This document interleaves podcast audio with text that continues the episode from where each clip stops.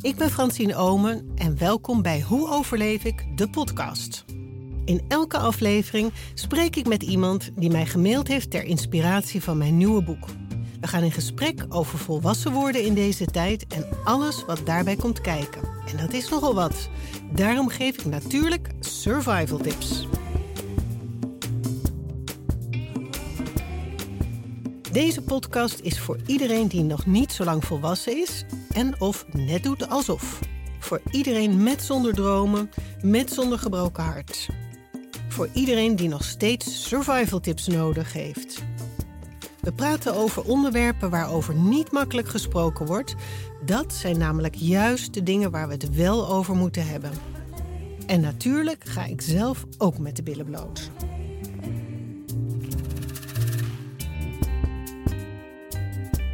Deze keer zit Lola bij mij aan tafel en we gaan het hebben over rouw. Hoe overleef ik rouw? Voordat we beginnen is het belangrijk dat je weet dat we gaan praten over zelfdoding. Is dat een moeilijk onderwerp voor jou?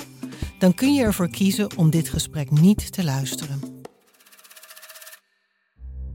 Beste Francine Ome, op TikTok zag ik, zoals veel andere mensen, uw oproepje om met jongeren te spreken ter inspiratie voor een nieuw Hoe overleef ik boek. Toen ik dit hoorde, kon ik niet anders dan mij aanmelden.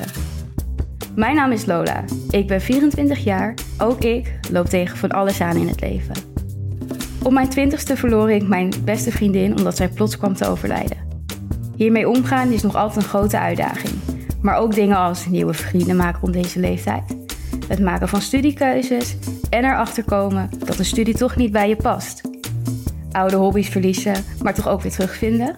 Gefaalde relaties en hoop verliezen dat er ooit een goede jongen op je pad komt. Ik kan nog wel even doorgaan met mijn lijstje. Als jonger meisje las ik, alle Hoe overleven boeken. Nog altijd staan ze in mijn boekenkast, inclusief een gesigneerd exemplaar.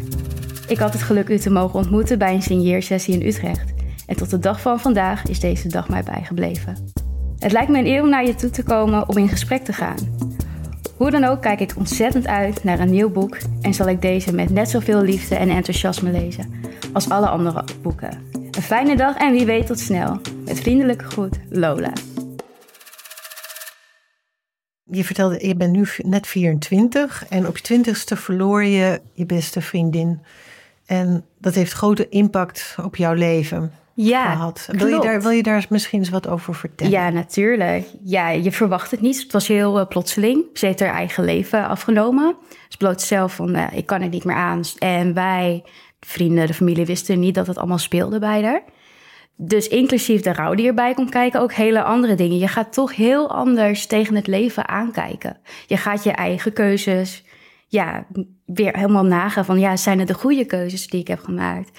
Of wil ik wat anders met mijn leven nu je zo dicht in contact komt met... het kan zo over zijn. En daar ben ik dus ook in beland wat dat betreft eerst ga je natuurlijk om met het verdriet en de woede en het ongeloof van hoe heeft dit kunnen gebeuren. Jezelf een beetje de schuld geven, want ja, het is je beste vriendin, dus hoe heb ik de signalen niet kunnen zien dat het niet goed met haar ging? En daarna ga je toch weer verder met je leven, beetje bij beetje. En dan kom je erachter van ja, maar deze studie, ja, hier word ik eigenlijk niet heel erg gelukkig van. En mijn beste vriendin die zag dat ook altijd aan me. Die zei ook altijd, moet je niet wat anders gaan doen wat echt bij je past? Want ga het onderwijs in, dat past zo bij je. En nadat zij is te komen overlijden, ging ik daar steeds meer over nadenken eigenlijk. En heb ik uh, op een middag me uitgeschreven voor mijn studie voeding en diëtiek. En meteen ingeschreven voor de studie leraar Engels, waar ik nu in mijn laatste jaar zit. Dus met het verdriet komen ook weer heel, veel mooie nieuwe uitdagingen. Mm Dus jij hebt eigenlijk iets goeds van iets heel verdrietigs gemaakt. Jij Ja. hebt het, eh, ja. Ja, het kostte wel even tijd. Maar uiteindelijk wel, als ik erop terugkijk, ja.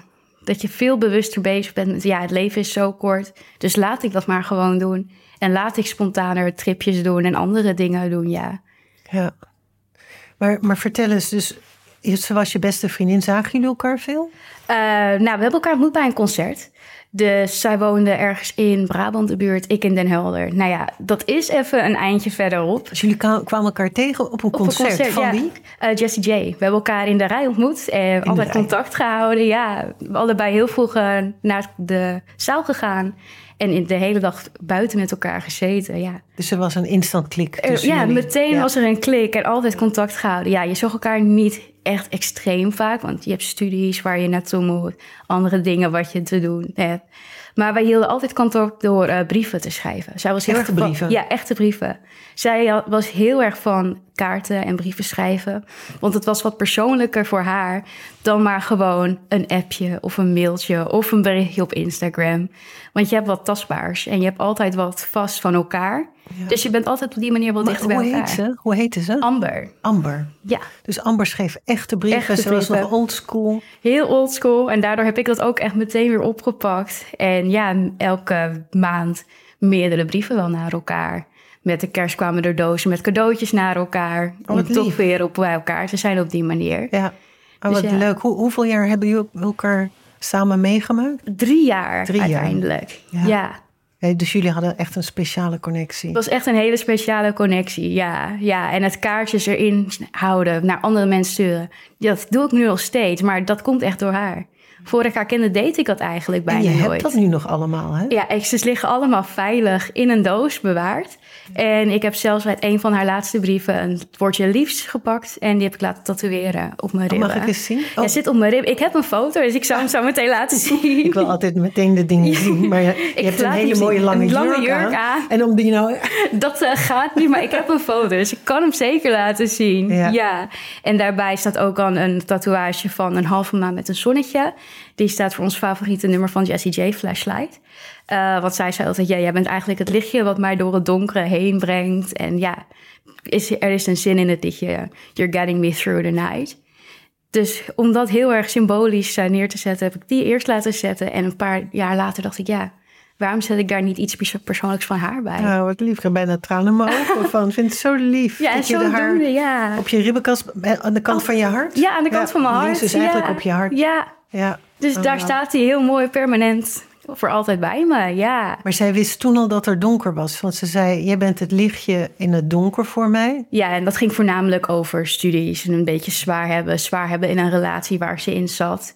Maar nooit echt erachter gezocht van, oh, het zit zo diep. En het is echt was, ja, een depressie eigenlijk. Vertelde ze waar die depressie, want je zegt relatie, eh. Ja, ik- Vertel, weet je iets van haar verleden? Eh, nou, ze zat, in een relatie met een jongen die eh, mentaal en fysiek ja, gewoon niet goed voor haar was. En best wel gewelddadig was op die manier, zeg maar. En dat is er gewoon fataal geworden uiteindelijk. Dus jij denkt dat het, dat het, dat, dat de belangrijkste reden is dat Wij vermoeden van een wel. abusive relationship. Ja, en daar inderdaad toch maar uit proberen te komen. En weet je nog het moment dat je dat bericht kreeg? Wat gebeurde er? Nou, ik werd net wakker. En ik had zoiets van, oké, ik heb een berichtje, ja. Of het is heel goed nieuws, maar ik kan nog niks van Amber zelf horen. Dus ja, dan gaat je hoofd van, oeh, wat kan er gebeurd zijn? Dus ja, het was in eerste instantie gewoon echt shock.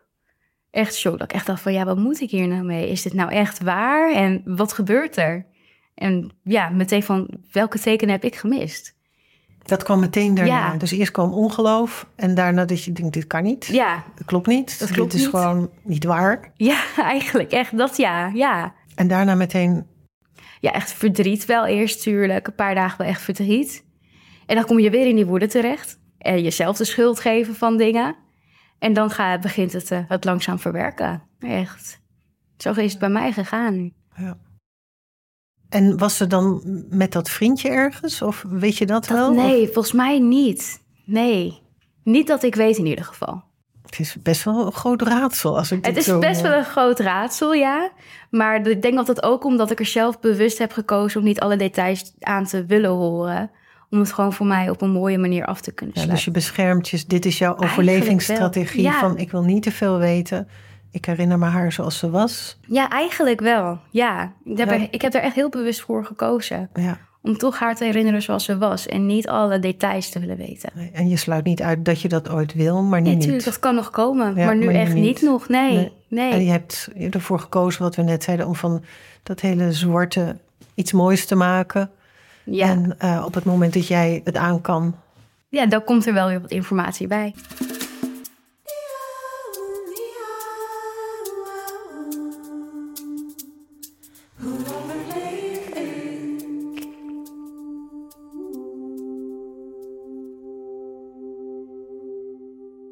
Survival tips. Hoe overleef ik rouw? Ik vind het heel bijzonder hoe rustig Lola hier tegenover me zit en hoe goed ze erover kan praten. Wat zij mee heeft gemaakt was onverwacht, onbegrijpelijk en onverteerbaar. Lola beschermde zichzelf door niet te willen weten wat er precies gebeurd was. Misschien wil ze dat op een later moment wel weten, maar nu niet. Soms moeten dingen gedoseerd worden. De vraag waarom is iets wat je niet zo makkelijk kunt parkeren. Mijn allereerste survival tip is: deel wat je voelt. Praat erover. Uit je emoties. Houd ze niet binnen. Ontken het niet, negeer het niet, laat het toe. En tip 2 is: heb geen oordeel over de duur van je rouw en ook niet over de vorm ervan. Rouw duurt zolang als het nodig is. Zeg dus nooit tegen jezelf: nu heeft het wel lang genoeg geduurd, over tot de orde van de dag. En denk ook niet: ik zou eigenlijk meer moeten voelen. Wat raar dat ik niet huil.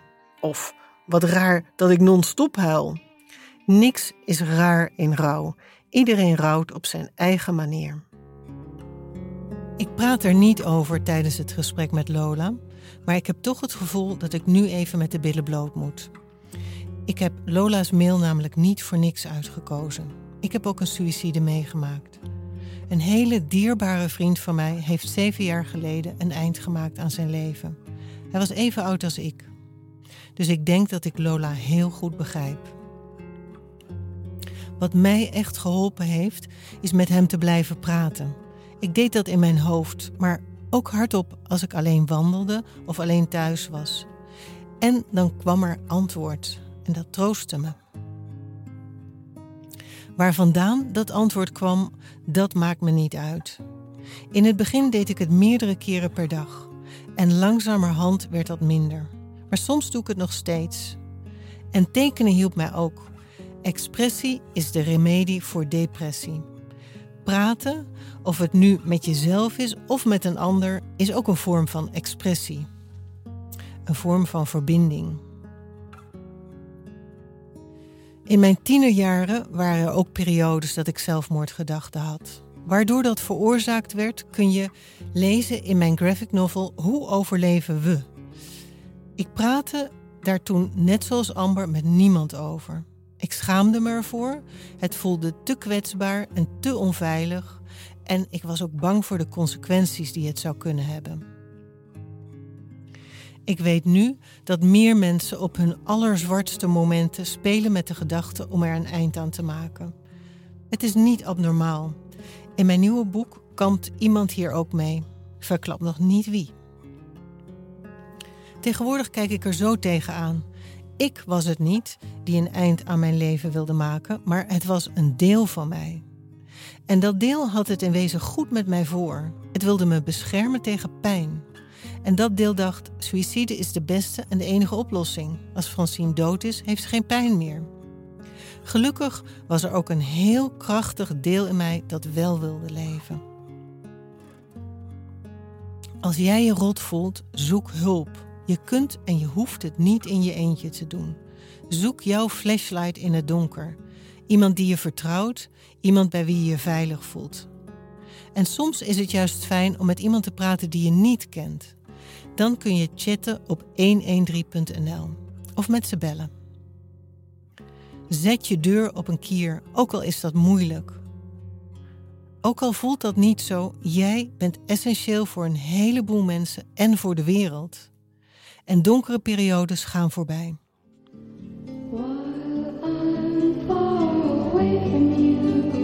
Dit liedje van de mama's en de papa's heeft mij altijd veel troost gegeven.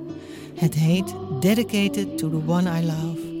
En mijn survival tip is: zing het voor jezelf op een moment dat jij het even niet meer ziet zitten. The darkest hour is just before the dawn.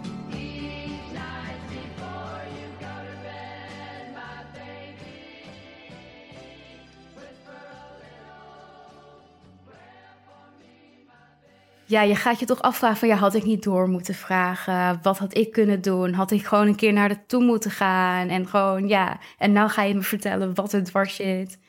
dat gaat dan allemaal door je hoofd, ja. What if? Ja, what if? Ja, Ja, allerlei die gedachten achteraf. En ja. al die scenario's die je dan in je hoofd afspeelt. Ja, ja, het gaat in je hoofd om, ja, als ik dit en dit had gedaan, was ze er dan nog geweest? En het heeft wel een tijdje geduurd voor ik dat mooi kon afsluiten. En van nee, ik, had niks anders aan kunnen doen. Ze was gewoon heel privé daarover, dat moet ik accepteren. En laat het maar los wat dat betreft, ja. Ja. Dat heb, je hulp tijd. gehad daarbij? Nee, nee, nee. Heb je zelf Helemaal gedaan? zelf. eh, Dus je bent niet naar een psycholoog Nee. gegaan? Of Nee, ik had heel veel steun uit. eh, nou ja, mijn moeder had een paar maanden eerder een vriendin verloren door ziekte. Dus ja, ik praat af en toe met haar. En uiteindelijk ook wel met andere vrienden. Want ja, ik heb best wel een grote vriendengroep eh, door Jessie J. Mhm. Dus ja, je praat af en toe met meiden daarvan van ja, wat als het er nog was. Nou, het is het eerste concert zonder haar. En zo verwerk je toch ook weer een beetje samen. En dan maar gewoon naar concerten gaan en het daar allemaal eh, verwerken. En door de gevoelens gaan. En zo beetje bij beetje accepteren. dus eigenlijk- Ja, die muziek. Eigenlijk ja. doe, doe jij dus het tegenovergestelde van wat Amber deed. ja. Jij deelt het. Amber hield het voor gedeeld, zichzelf. Die probeerde ja. het zelf op te lossen. ja, En die, ja, om wat voor reden dan ook, durfde ze, kon ze dat niet delen. Maar Klopt. jij hebt, jij bent jouw rouwproces doorgegaan met hulp ja van, echt. van de vriendschap, en de liefde van, van vrienden en muziek dus en ook. muziek, heel belangrijk. Ja, ja. Dat is wel heel mooi. Ja, ik heb er ook gewoon bewust voor gekozen. Van ja, dus je ik moet wel over praten, want ja, anders red Ja. ik het niet. Ja, dus je, bent, je was niet alleen Nee, ik was je- zeker niet je- alleen. ja, met, met, met de schok, met het onverteerbare van de situatie, met de... Ja, en af en toe voelde je je wel alleen, want ja, ik stond het dichtstbij. En ja, begrijpen ze het wel? Moet ik het wel delen? In eerste instantie was ik daar best wel voorzichtig in. Maar ja, uiteindelijk hebben mensen me ook gewoon overgehaald van ja, praat er gewoon over. En al begrijpen we het niet, we horen het aan. En er is altijd wel iemand die het ook wel iets van herkent.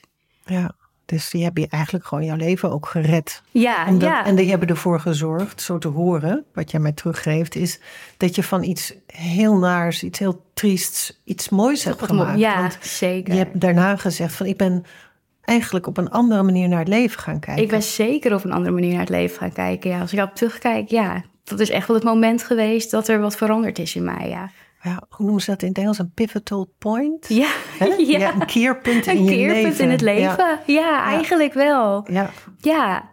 En gewoon heel blij nu ook met de keuzes die ik uiteindelijk heb gemaakt. Door die ervaring, ja. ja, ja. Want ja, zo heb ik mezelf beter leren kennen. En ben ik er gewoon achter wat ik zelf echt wil in het leven. En hoe ik er moet gaan komen. Ja. Dus haar dood was eigenlijk een soort wake-up call voor jou. Eigenlijk wel, ja. Het klinkt zo hard om dat te zeggen. Maar het was eigenlijk wel echt een wake-up call, ja. Call for living eigenlijk. Ja. Van, van verdoe je tijd niet en ga Ja, gewoon voor je hart eigenlijk in Ja. feite.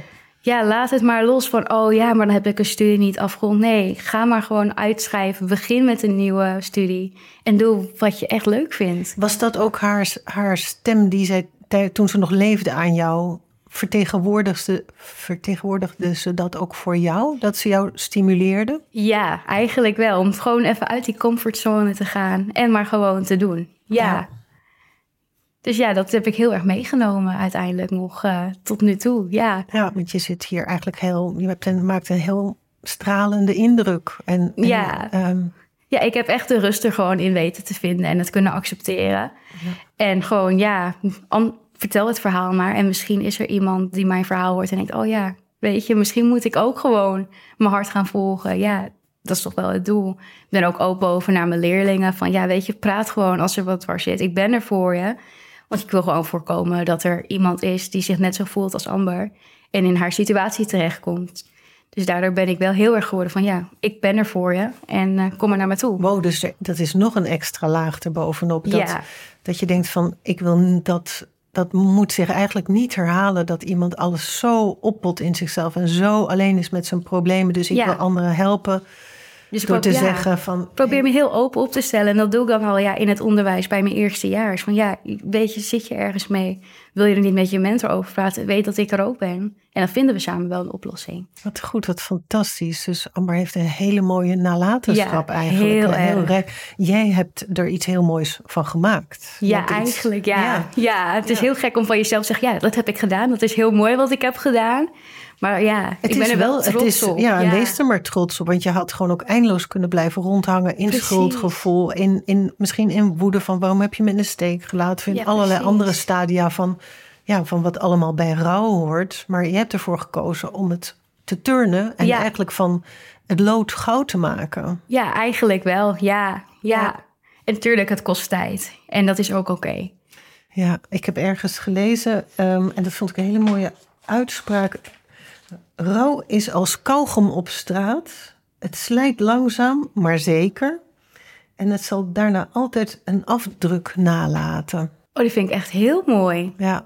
ja, je kunt bijvoorbeeld als je na Koningsdag een straat wil schoonmaken... dan komt er zo'n wagentje voorbij en alles wat er los op ligt wordt weggeveegd. Maar kauwgom blijft zitten. Blijft zitten. Dat moet slijten doordat er stappen overheen gezet worden. Eigenlijk Ja. gewoon tijd geleefd. Dat vind ik heel mooi. Ja, en langzamerhand slijt het af, maar die afdruk... en jij hebt nu letterlijk een afdruk op je hart. Ja, op je hart. Ja, ja, Ja. ja. En zo is zij bij je. Zo is ze altijd bij me, inderdaad. Ja. En dat is wel heel mooi en geruststellend. Van oké, ze is er. ja. Ja, ze is niet weg, Ze is, maar... nee, ze is er gewoon nog. Ja. En daar zit ze gewoon eh, ja, de rest van mijn leven. Ja. Ja, en ze heeft een hele belangrijke invloed.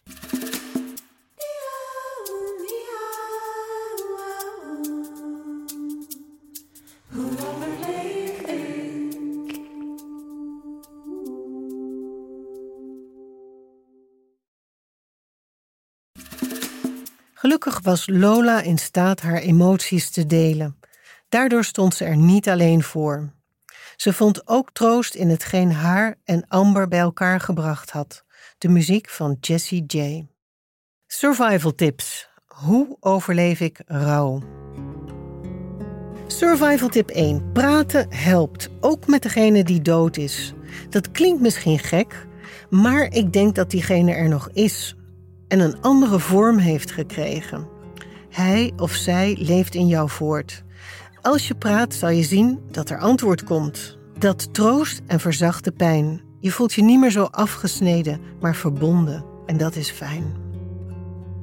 2. Rouw kent verschillende fases.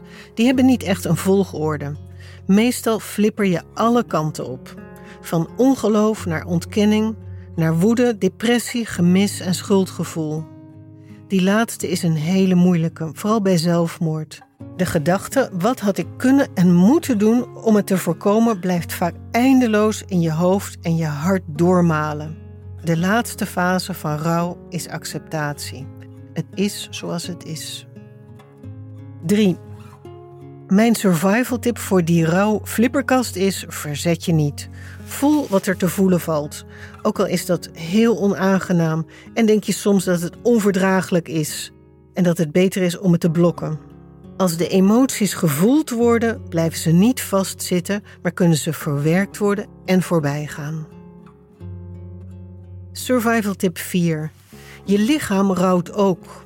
Je kent vast de uitdrukkingen wel. Een brok in je keel, steek in je hart, steen in je maag, dichtgeknepen keel, hart op hol. De rouw in je lichaam kan zich uiten als een enorme moeheid. Je kan niet slapen of je gaat juist heel veel slapen. Je dromen kunnen heftig zijn, misschien wel nachtmerries. Je kunt niet meer eten of je gaat juist heel veel eten. Je kunt concentratieproblemen krijgen, vergeetachtig worden, hoofdpijn hebben, duizelig zijn, misselijk, vreemde pijntjes in je lichaam. Je hormoon en je afweersysteem kunnen erdoor ontregeld raken. Je kunt overgevoelig worden voor prikkels en het gevoel hebben alsof je een hele dunne huid hebt en alles te veel is. Ook hiervoor geldt: geef er aan toe. Neem de tijd ervoor. Wees vriendelijk en begripvol voor jezelf en vooral niet te streng. Ik vroeg me af hoe Lola dit heeft ervaren. Rouw gaat over emotie. Merkt je het ook bijvoorbeeld in je lichaam? Heel gespannen. Je voelde je heel gespannen. gespannen. Heel gespannen lichaam. En eh, gewoon geen eh, behoefte om uit je bed te komen, want dat voelde al te zwaar eigenlijk. Dus wel echt een spanning in je lichaam. Ja, Dus dat, dat was de eerste reactie van je lichaam. ja, intense vermoeidheid. Intense vermoeidheid. Ja, Dus je bleef in bed liggen. Ja, ja. En dan met moeite uit je bed kunnen komen. Uiteindelijk, uiteindelijk mezelf wel dwingen om gewoon uit bed te gaan, naar school te gaan. Maar in eerste instantie was het gewoon echt een gespannenheid. Niet dat ik er echt ziek van ben geworden ooit. Dat echt niet. Want volgens mij hoor je dat ook wel eens van mensen die doorhouden dat ze echt gewoon er ziek van worden. Maar dat heb ik zelf niet uh, ervaren.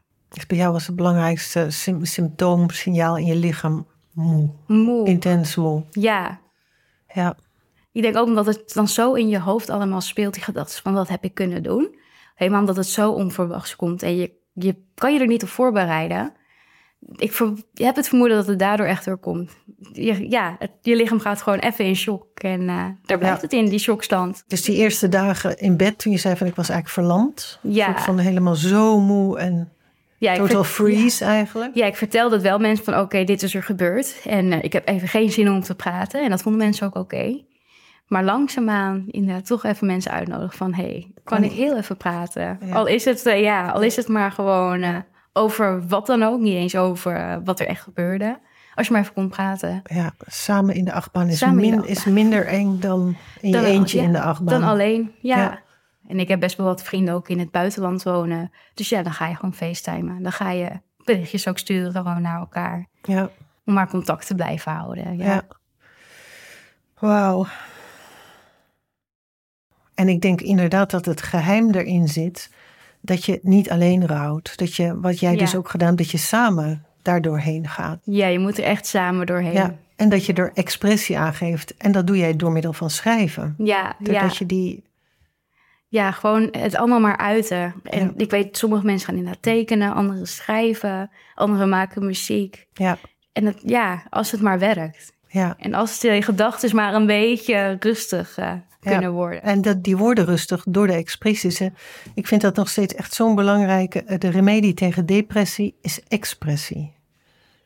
Die vind ik heel mooi. Die heb ik nog nooit gehoord zo op die manier. Maar die ja. is echt heel mooi, ja. En die expressie, die had Amber niet. Nee, nee. Dat bleef allemaal in, in haar hoofd, hoofd rondtollen. En ja, ze was om wat voor reden dan ook niet in staat om, nee, om, om, het, te uiten. om het te uiten. Ja,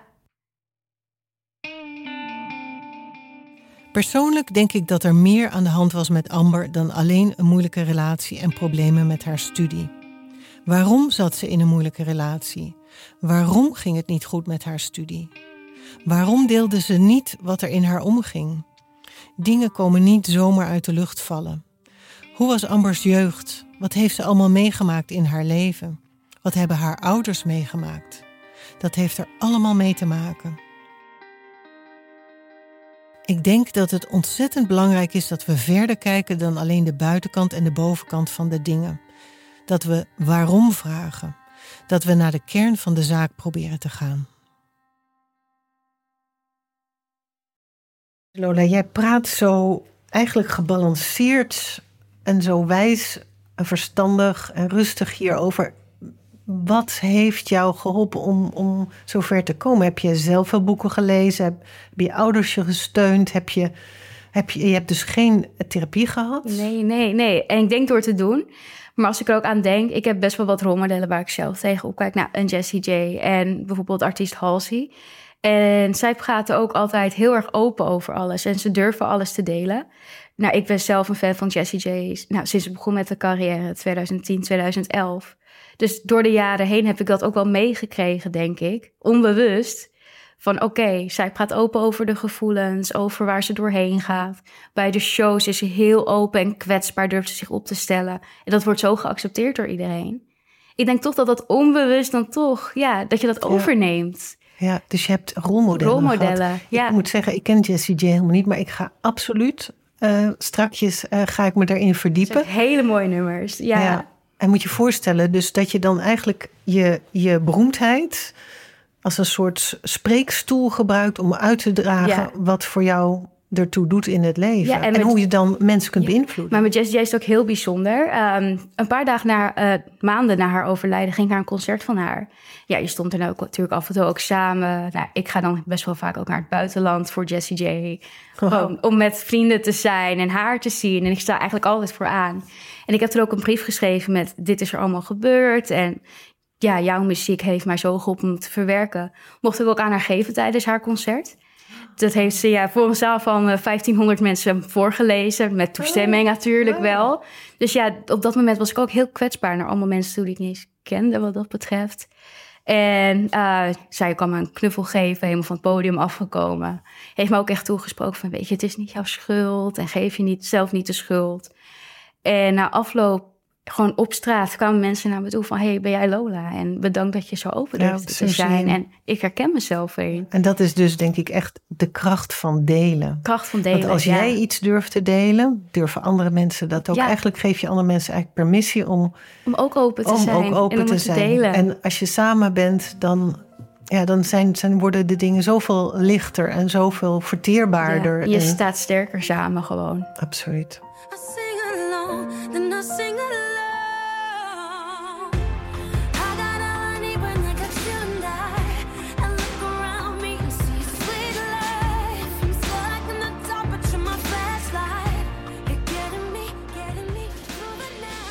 Voor Lola is Jessie J heel belangrijk geweest in haar rouwproces. Daarom was het extra bijzonder dat ze tijdens haar concert over haar heeft mogen spreken. Ik heb inmiddels Flashlight geluisterd. I'm stuck in the dark, but you're my flashlight. You're getting me, getting me through the night. En het is zo mooi. Amber is dus nog steeds Lola's flashlight. En ze ligt haar bij in het donker. Muziek werkt helend en troostend. Verbinding ook. Voor mij persoonlijk is de natuur altijd de plek geweest die me rustig maakt en weer in balans brengt. En schrijven en tekenen. En ook mijn dagboeken zijn altijd essentieel geweest voor het behoud van mijn mentale gezondheid. Ik heb Lola ook gevraagd naar haar survival tips voor rouw. Ja, wat zou jouw survival tips zijn als jij over, zeg maar, over als je ergens mee struggelt? Wat is, wat is jouw survival tips voor als je ergens echt mee struggelt? Ja, uit het. Uit het door te praten, te zingen, te rennen, te schrijven, te tekenen, wat dan ook. Maar vind een manier om je eigen gevoelens te uiten. En deel het met mensen als, het, als je je veilig genoeg voelt. Er is altijd wel één iemand om je heen waarbij je je veilig voelt. En deel het maar met diegene, want diegene gaat niet denken dat je raar bent. Nee, diegene die gaat alleen maar waarderen dat je het durft te delen. En dan kan je er samen weer doorheen. Prachtig. Ik heb daar gewoon helemaal niks aan toe te voegen, joh. Je bent zelf ook een soort Esther. Zelf een Esther, Esther, Esther uit de boeken, ja. En ik denk ook zeker als ik... Ik weet helemaal niet of jij die ambitie hebt, maar jij gaat het onderwijs in. Ja, ja. En, ehm, ik heb zo'n zwaar vermoeden dat jij ook wel op een gegeven moment een mentor gaat worden... of een vertrouwenspersoon op school. Ja, is zeker het doel. Het, voor nu is ook het doel dat als ik klaar ben met deze studie... om nog even door te gaan en educatieve materialen te willen gaan maken... Dus het stukje creativiteit en werkboeken, spellen. Maar ja, je hebt daar wat dat betreft ook zoveel vrijheid in. Ja, wat dat betreft zie ik me volop aan om ook iets te ontwerpen waarin in de klas bij een Engels of een ander vak gesproken kan worden over gevoelens. Want dat gebeurt wat dat betreft veel te weinig. Ja, maar dat vind ik fantastisch om te horen, omdat dit ook een van mijn stoppaardjes is. Dat, oh ja? dat, dat op school dat er aandacht gaat, dat er eigenlijk een vak uh, komt, dat heet uh, Hoe overleef ik of iets dergelijks. En dat gaat over zelfkennis. Ja. En ook over het omgaan met emoties? Hoe ga je ja, hoe leer je praten met elkaar? Hoe leer je voor jezelf dingen te herkennen en te erkennen en dat te delen met een ander? Ja, het is zo belangrijk. Want ja, tuurlijk, Nederlands, wiskunde, Engels, het is allemaal heel belangrijk. Ja, al die cognitieve maar, zaken. Ja, je bent ook een voorbeeldfiguur en je moet toch de leerlingen voorbereiden op de maatschappij. En hoe je er daarmee mee om moet gaan. Precies, want het begint met jouzelf. Precies. Met hoe ga jij om met wat je tegenkomt in je leven. Precies. En je wil daar dus um, educatieve materialen voor. Want je hebt dus ook een hele creatieve kant. Ja, ik probeer altijd lekker creatief bezig te zijn. Gewoon zelf lekker werkbladen ontwerpen voor de leerlingen. Die vrijheid heb ik gelukkig ook bij de school waar ik nu dan werkzaam ben. Dus gewoon lekker creatief bezig zijn met ze. En ook van ja, we gaan deze opdracht doen. Kies maar zelf hoe je je wil uiten. Ga je schrijven? Ga je tekenen? Ga je wat anders doen?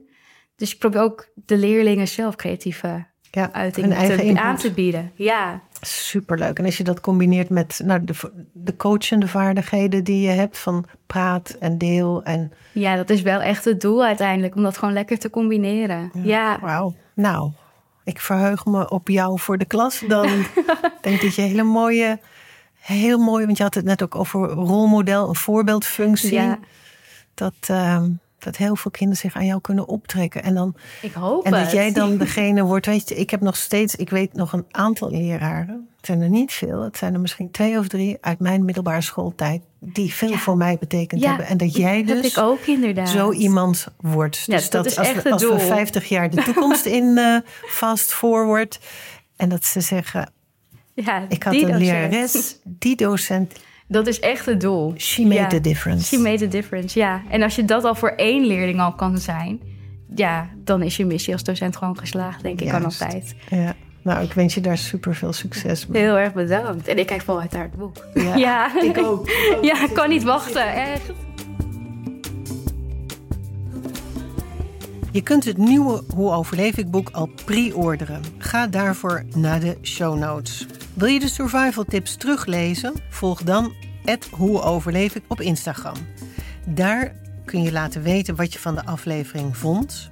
Je kunt zelf tips toevoegen en als je wil jouw verhaal delen.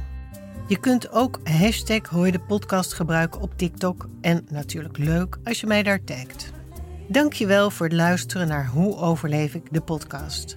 Wil je zeker weten dat je de volgende aflevering niet mist? Abonneer je dan in je favoriete podcast-app of klik op volgen bij Spotify. Deze podcast maak ik samen met Dag en Nacht Media en Podimo. Tot volgende week.